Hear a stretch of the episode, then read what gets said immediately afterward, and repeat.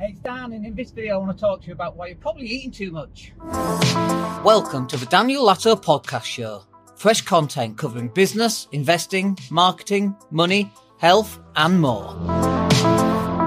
Hey, it's Dan. Hope you're well today. So, yes, I think more than likely there's a very good chance that you're probably eating too much. And I know this because that's exactly what I used to do. And sometimes I still do. And, um, you know, we do the fasting. So we do like uh, 16 8, so 16 hours where we don't eat anything at all generally. And then we have an eight hour window in which we can eat. Uh, and we normally eat at like two o'clock and then we'll, you know, for lunch, uh, protein bar at five. We'll have dinner around half seven, eight. We live in Spain, so it's a little bit later. And then a protein bar at 10. And then that's it. That's my eight hour window. Um, but then what happens is I go back to England and that all goes out the window. We go for a cheap breakfast at Wetherspoons. We go for lunch. We go for dinner. We have puddings. Um, we have sweets. All that stuff. And after a week in England, I come back. I've put a kilo, a kilo and a half on. Some of it is magnified a little bit more because I go back and I've missed all this gorgeous food um, that we can't get here in Spain. But also, I'm looking at other people eating. You know, big, big dinners big meals, big breakfasts. And I'm like, dude, you're eating three to 4,000 calories a day.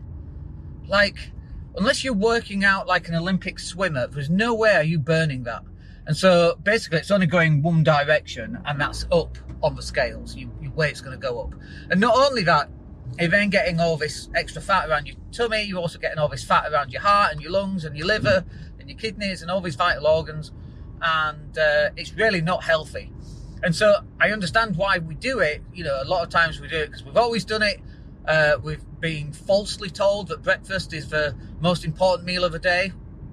Probably Kellogg's came up with that. I have no idea. Whose thought was it to eat bacon first thing in the morning? Bonkers. Just a bonkers idea. Anyway, you don't need breakfast.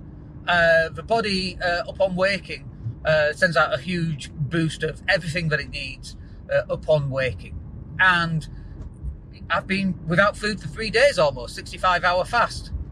Still working out, still on a treadmill, still lifting weights. You don't need as much food as you think you do. You just think you do because society has taught you that this is what you're supposed to do, and it's wrong. And your health, right? Your health is demonstrating just how incorrect this is. Because I guarantee that you could lose a few pounds. I mean, you know, we could all lose a few pounds, but unless you got 10 to 12% body fat if you're male, slightly more if you're female, you need to lose some weight. It's as simple as that, really. So, look, I hope that's useful, a bit eye opening, maybe controversial. That's fine, I'm, I'm happy with that. Uh, but you're probably eating too much and you need to just kind of watch what you're eating.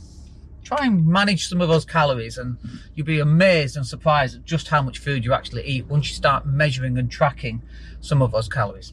All right, hope that's useful. Back at CrossFit. We'll speak to you soon. Take care.